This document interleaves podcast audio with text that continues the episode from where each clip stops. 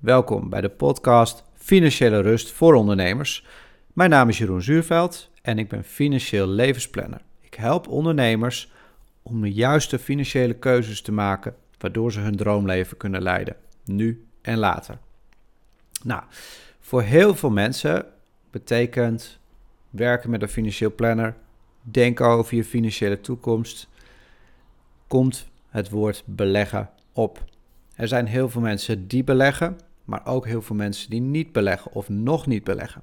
Een vraag die ik dus ook regelmatig krijg is: wat is het goede moment om te starten met beleggen?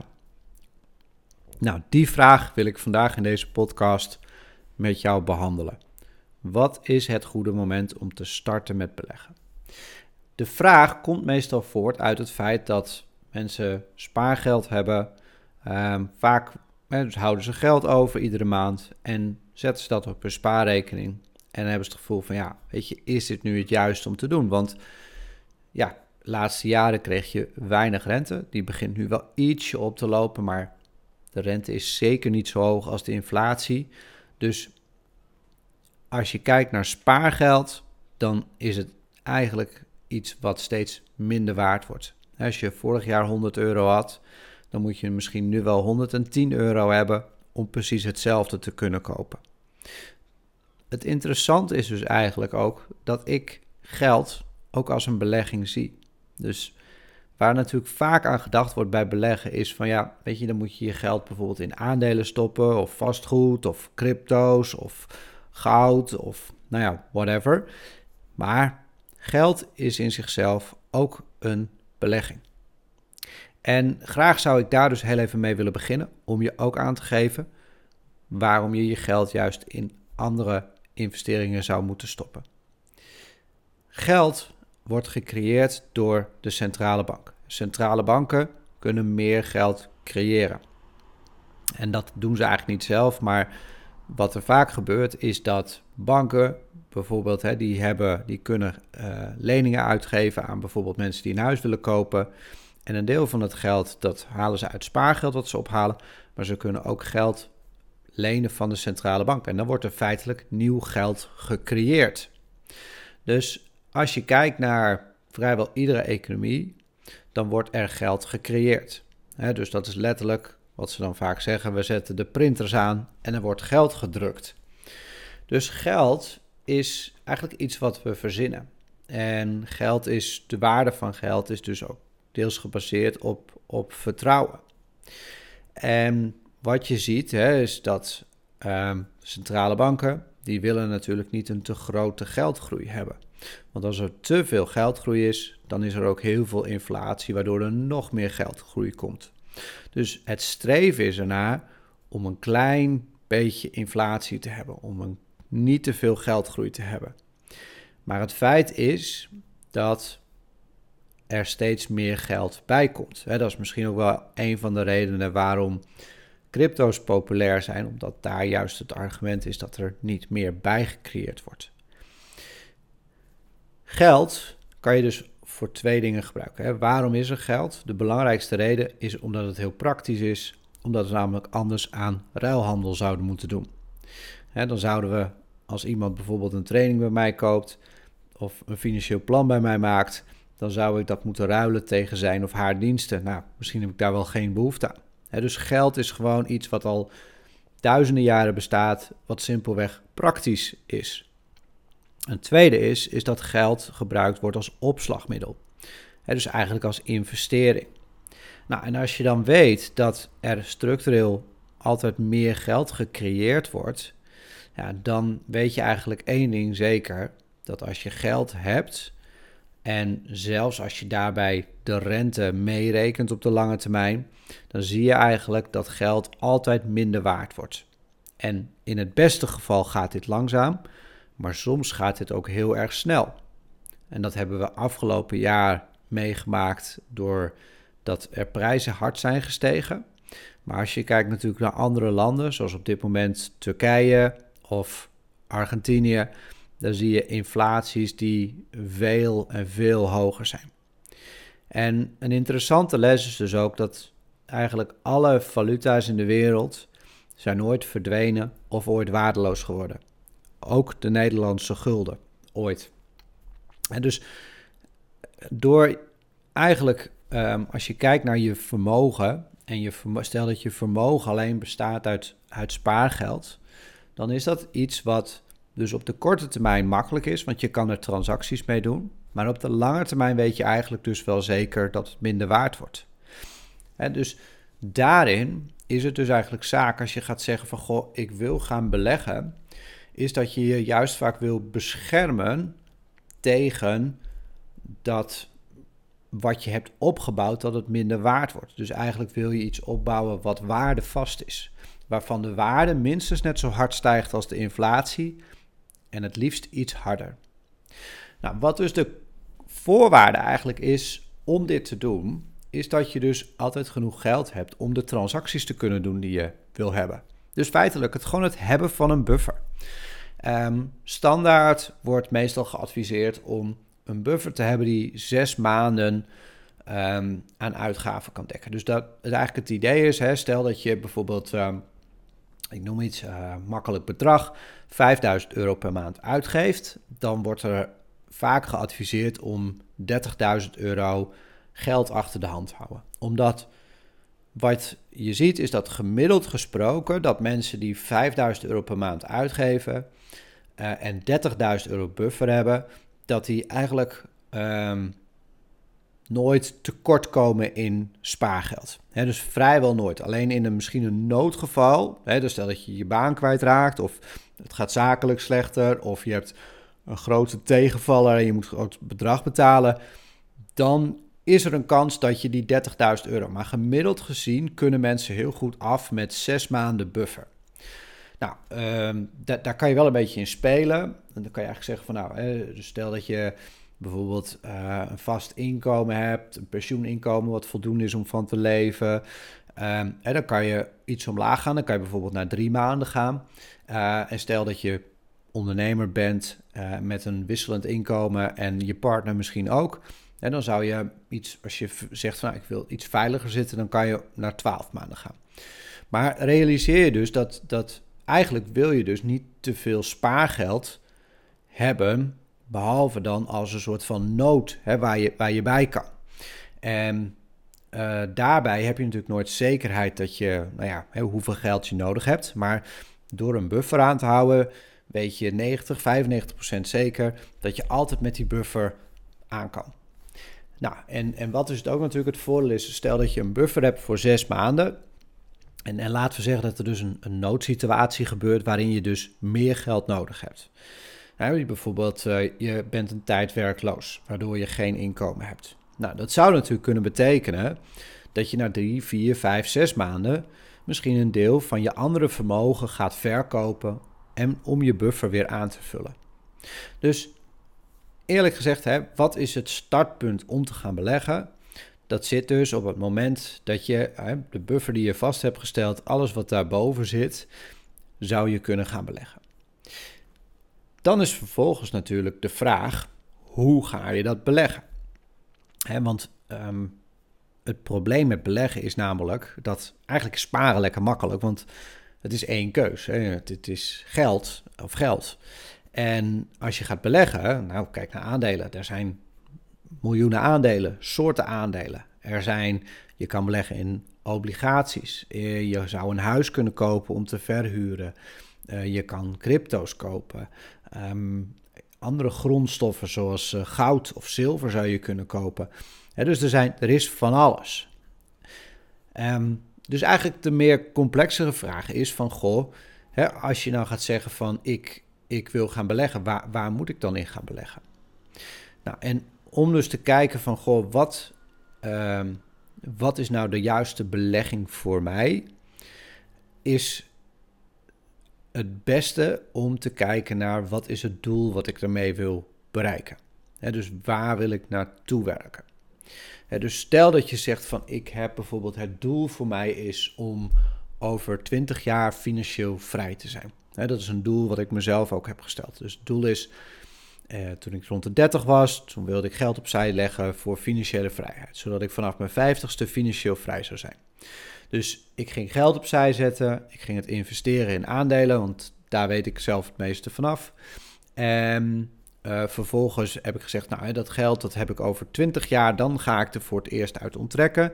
En dan hoop ik dat ik uh, nou ja, heel oud word en dat het misschien dan nog 30 of 40 jaar meegaat. Dus ik ging een potje opbouwen wat misschien wel 50, 60 jaar lang mee zou moeten kunnen gaan.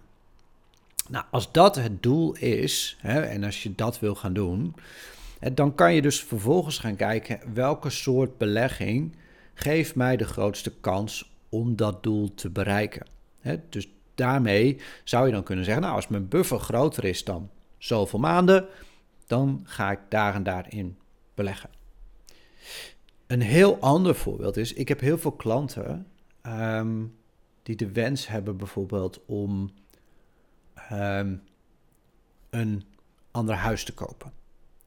Ehm, ik heb heel veel klanten die zeggen: ja, ik wil graag een huis met meer ruimte, natuur eromheen, meer buiten zijn. Uh, misschien wel buiten de randstad gaan wonen. En dan is, hè, dus stel dat je zegt van ik wil dat bereiken, hè, dat, is, dat is mijn doel. Ehm, dan heb je natuurlijk daar uiteindelijk geld voor nodig dus stel dat je al een huis hebt, dan zou je natuurlijk de overwaarde mee kunnen nemen. Je zou een deel kunnen lenen bij de bank. Maar ik merk ook heel vaak dat mensen ook ehm, dan nog niet genoeg hebben en daardoor dus zelf extra geld mee willen brengen om in dat huis te steken. Nou, stel dat dat je doel is en je wil dat doel bijvoorbeeld binnen vijf jaar bereiken. Nou, is het dan slim om alles wat je overhoudt om dat te investeren in bijvoorbeeld aandelen? Nou, ik denk het niet, want hè, als je in aandelen belegt, dan op de lange termijn heb je een goede kans op een goed rendement, maar over een periode van vijf jaar is de kans behoorlijk groot dat je een goed rendement haalt, maar de kans is ook nog steeds heel erg groot dat je een slecht rendement haalt of zelfs een negatief rendement haalt. Dus als je een bestedingsdoel hebt wat, wat vijf jaar verder ligt, ja, dan is beleggen in aandelen niet zo handig. En misschien is het dan wel veel handiger om je geld in een deposito te zetten. Ja, dus uiteindelijk, hè, wanneer ga je beleggen? Voor sommige mensen kan sparen of een spaardeposito kan de beste oplossing zijn. Voor sommige mensen kan obligaties de beste oplossing zijn. Voor sommige doelen kunnen juist grondstoffen de beste doelen zijn. Dus het is daarin heel erg afhankelijk. Hè? Dus van die, die oorspronkelijke vraag van, goh, hè, wanneer moet ik nu gaan beleggen? Nou, die ligt dus bij die zes maanden. En dan vervolgens is dan eigenlijk de vraag, wat ga ik doen daarmee? Ehm, voor de rest, als je wel dus op dat punt zit, hè, stel dat je zegt van, nou, ik heb voldoende buffer, ik wil daarmee aan de gang gaan. Wat zijn dan de lessen? Wat zijn de dingen die je vooral wel en niet moet doen? Uh, wat dus belangrijk is, is dat je kan eigenlijk op verschillende manieren natuurlijk gaan beleggen. Uh, heel veel mensen die doen het zelf. Hè? Dus je kan natuurlijk zelf uh, een rekening openen bij een broker of een huis kopen om te verhuren. Dat is eigenlijk natuurlijk een, eigen vermogensbeheer. Um, nou, daar, daar zitten voor- en nadelen aan. Het, het voordeel is vooral dat je, dat je veel ervaring ermee opdoet. Het is, voordeel is ervan dat als je dingen zelf doet, dat je niet een professional hoeft in te huren die je hoeft te betalen. Uh, het nadeel is natuurlijk de vraag van, goh, heb je voldoende kennis en, en wil je eigenlijk wel de tijd daaraan besteden? Dus wat ook heel veel mensen doen, is eigenlijk het beleggen uitbesteden. En bijvoorbeeld bij een vermogensbeheerder. Dat kan je ook doen. En wat zo'n vermogensbeheerder eigenlijk doet, is die uh, helpt jou door die keuzevrijheid die je hebt heen die maken eigenlijk de keuzes voor jou en namens jou. Dus ik denk dat een, een overweging die je moet maken is daarin van, goh, waar voel jij je fijn bij, zeg maar. Vind jij het juist fijn om te snappen wat je doet, te snappen wat je, wat je wil, hè? Dat, dat, dat je weet, echt beter weet waar je geld in zit. Um, en ik zal je zo meteen ook even uitleggen wat dan het grote voordeel daarvan is. Um, en het tweede is, is dat hoeveel tijd heb je en wil je daarin steken? En tijd is heel, gewoon heel erg belangrijk. Want uiteindelijk zijn er gewoon een aantal ehm, belangrijke ervaringen die je op moet doen, denk ik, door te gaan beleggen. En ik zou mensen dus ook altijd adviseren, is als je voldoende buffer hebt, ga beleggen. En dat heeft namelijk een, een aantal redenen. Maar de belangrijkste reden is, is dat je ervaring moet opdoen met verlies. Wij houden als mens niet van verlies. Als we verlies lijden, dan vinden we dat niet leuk. Ik heb altijd als klanten bij mij zitten en ze starten met een stukje beleggen. Uh, dan houden ze in het begin altijd heel erg de beurs in de gaten. wat, wat gebeurt er? En met name als het dan iets omlaag gaat, dan zijn ze soms wel een beetje, nou ja, niet in paniek, maar, maar wel dat het is geen fijn gevoel. En wat je dus nodig hebt, is eigenlijk doordat als je langer gaat beleggen, als je langer gaat investeren, en je doet dat op de juiste manier, op een verstandige manier, dan zie je dus dat je vermogen meegroeit met de inflatie en vaak zelfs iets daarboven. dus dat je vermogen in stand blijft. En dat is dus heel erg belangrijk. En waarbij je dus ook ziet, is dat je moet eigenlijk gewoon af en toe dus een, een crash ervaren om te kunnen zien dat het uiteindelijk daarmee goed komt. En, en mensen die bijvoorbeeld de laatste tien jaar zijn gestart met beleggen, hè, dus als je in 2012 bent begonnen met beleggen, ja, dus eigenlijk is dat echt een makkie geweest. Want het was eigenlijk gewoon één grote rechte lijn omhoog. En nu wat je ziet is dat natuurlijk, we hebben eerst de coronacrisis gehad, maar die heeft eigenlijk maar voor een hele korte dip op de beurzen gezorgd. Maar toch ook bij heel veel mensen wel een soort van, hey, wow, oké, het kan ook omlaag. Maar nu zie je dat er ook doordat de rente aan het stijgen is, het, het wordt wat volatieler. En dat is dus helemaal niet erg, dat hoort er helemaal bij, want we kunnen niet altijd in een rechte streep omhoog gaan. Ehm, en je moet dus ervaring opdoen met verlies. En daarom is het juist belangrijk om, dat, om juist zo vroeg mogelijk te beginnen met beleggen. Omdat je daardoor uh, met kleine bedragen, want laten we eerlijk zijn, als jij een verlies van 10% leidt met 1000 euro belegging of 100.000 euro belegging, dan doet dat gevoelsmatig veel met je. En daarmee moet je dus gewoon ervaring opdoen om dat soort dingen te laten zien en te zien dat het, dat het uiteindelijk, hè, als je geduld hebt, dat het goed komt. En als je dus kijkt ook, hè, wat, wat, wat is nou het allerbelangrijkste bij beleggen? Um, het allerbelangrijkste bij beleggen is mijn inzien, is dat je de tijd zijn werk laat doen. En dat betekent dus investeren in datgene wat jou de grootste kans geeft om je doel te bereiken. En vervolgens moet je eigenlijk zo weinig mogelijk doen. Dat is het allerbelangrijkste. En waarom is dat zo belangrijk om zo weinig mogelijk te doen? Nou, daar zitten twee redenen achter. De eerste reden is, is dat ehm, de winst die je kan behalen door op het juiste moment te kopen of te verkopen, ja, die is vrijwel nihil. En voor de meeste mensen is die negatief. Dus het beste is gewoon om in te leggen en de tijd zijn werk te laten doen. Het tweede is, is als je dit namelijk doet, zo weinig mogelijk, dan heb je zo weinig mogelijk transactiekosten. En het tweede wat dus belangrijk is, is als je goed het beleggingsrendement wil hebben, is om zo weinig mogelijk kosten te hebben. Nou, stel dat je gaat zeggen van, hoe wil ik dat dan doen? Hoe ga ik dat doen? hoe heb je nou zo weinig mogelijk kosten? Nou, als je je geld laat beheren, dan, dan ga je dus naar een, bijvoorbeeld een vermogensbeheerder. En wat die vermogensbeheerders doen, is die rekenen vaak kosten voor ehm, twee dingen. Vaak ten eerste voor het in- en uitstappen. Dus iedere keer als je geld inlegt of eruit haalt, dan rekenen ze daar een percentage over. En daarnaast rekenen ze, dat is vaak de grootste kostenpost, rekenen ze jaarlijkse kosten. En die kunnen nogal variëren. dus de goedkoopste vermogensbeheerders die zitten zo rond de 0,7, 0,8 procent per jaar. dus je moet je voorstellen, stel dat je 100.000 euro investeert dan bij een vermogensbeheerder, dan betaal je minimaal 700 euro, dus 0,7%, tot ongeveer 2,5%, dus 2.500 euro per jaar. Nou, en wat je natuurlijk voor kan stellen is, als jij uit jouw vermogen ieder jaar, laten we zeggen, 1000 euro aan een vermogensbeheerder moet betalen, dan gaat dat natuurlijk af van jouw rendement. En dan gaat dat eraf. En als je dus een klein bedrag hebt bij een vermogensbeheerder, nou, dan valt dat misschien nog wel redelijk mee. Maar je kan je voorstellen als dit bedrag op gaat lopen wat je belegt, dan is het best wel een grote impact. Het is een grote impact op je totale rendement. En dan helemaal als je je beseft dat eigenlijk wat het belangrijkste is bij beleggen, is zo weinig mogelijk doen. Nou, en het interessante is dus als je zelf gaat beleggen via een broker. Hè, dus een broker kost gemiddeld 0,1 tot 0,2 procent per jaar. Plus vaak nog, als je bijvoorbeeld gaat beleggen in uh, fondsen, dan komt daar nog een, een, klein beetje bij. Maar je kan altijd wel, laten we zeggen, zo rond de 0,3, 0,4 procent kan je uitkomen. Dus het laagste tarief bij vermogensbeheer gedeeld door 2, dat is wat je kan realiseren bij door zelf te beleggen.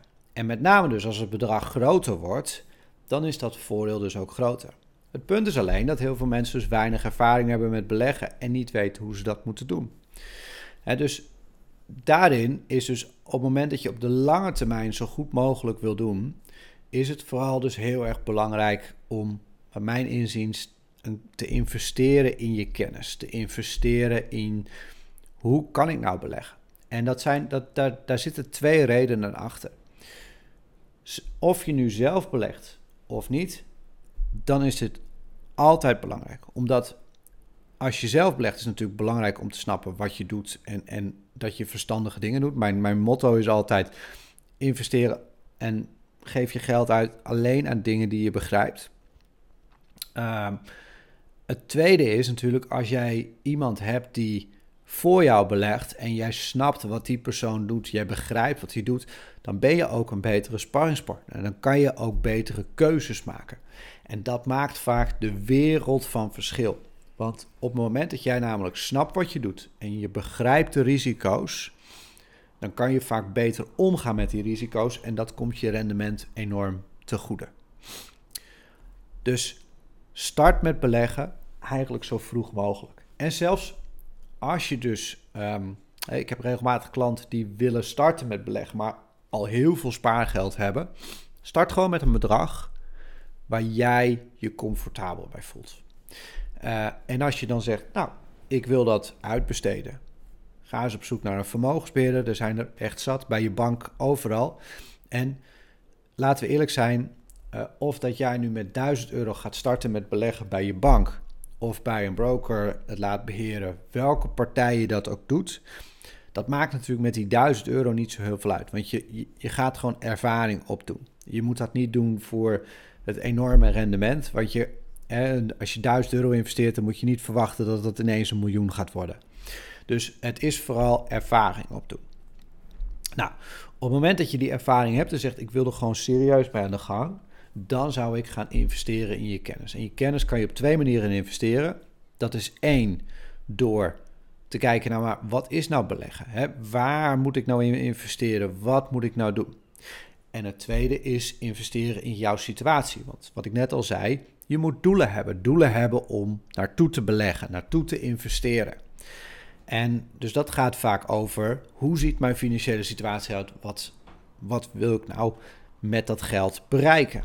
want geld is altijd alleen maar een middel om een doel te bereiken. Nou, wil je daar eens meer over weten? Uh, kijk dan eens op mijn website. Daar kan je aanmelden voor een maandelijkse workshop financiële vrijheid. In die workshop leg ik uit van hè, wat, wat zijn nou de voordelen van, van, uh, van investeren in je vrijheid? Hoe doe je dat nou naar financiële vrijheid? Um, en hoe ga je dat concreet, kan je dat invullen? Nou, um, als je dat wil weten, ga eens naar de website www.financieellevensplanner.nl. Daar vind je meer info. Uh, daar kan je ook eventueel mij vragen stellen of een keer een gratis sessie boeken. Ik hoop dat deze sessie in ieder geval nu hier waardevol voor jou is geweest.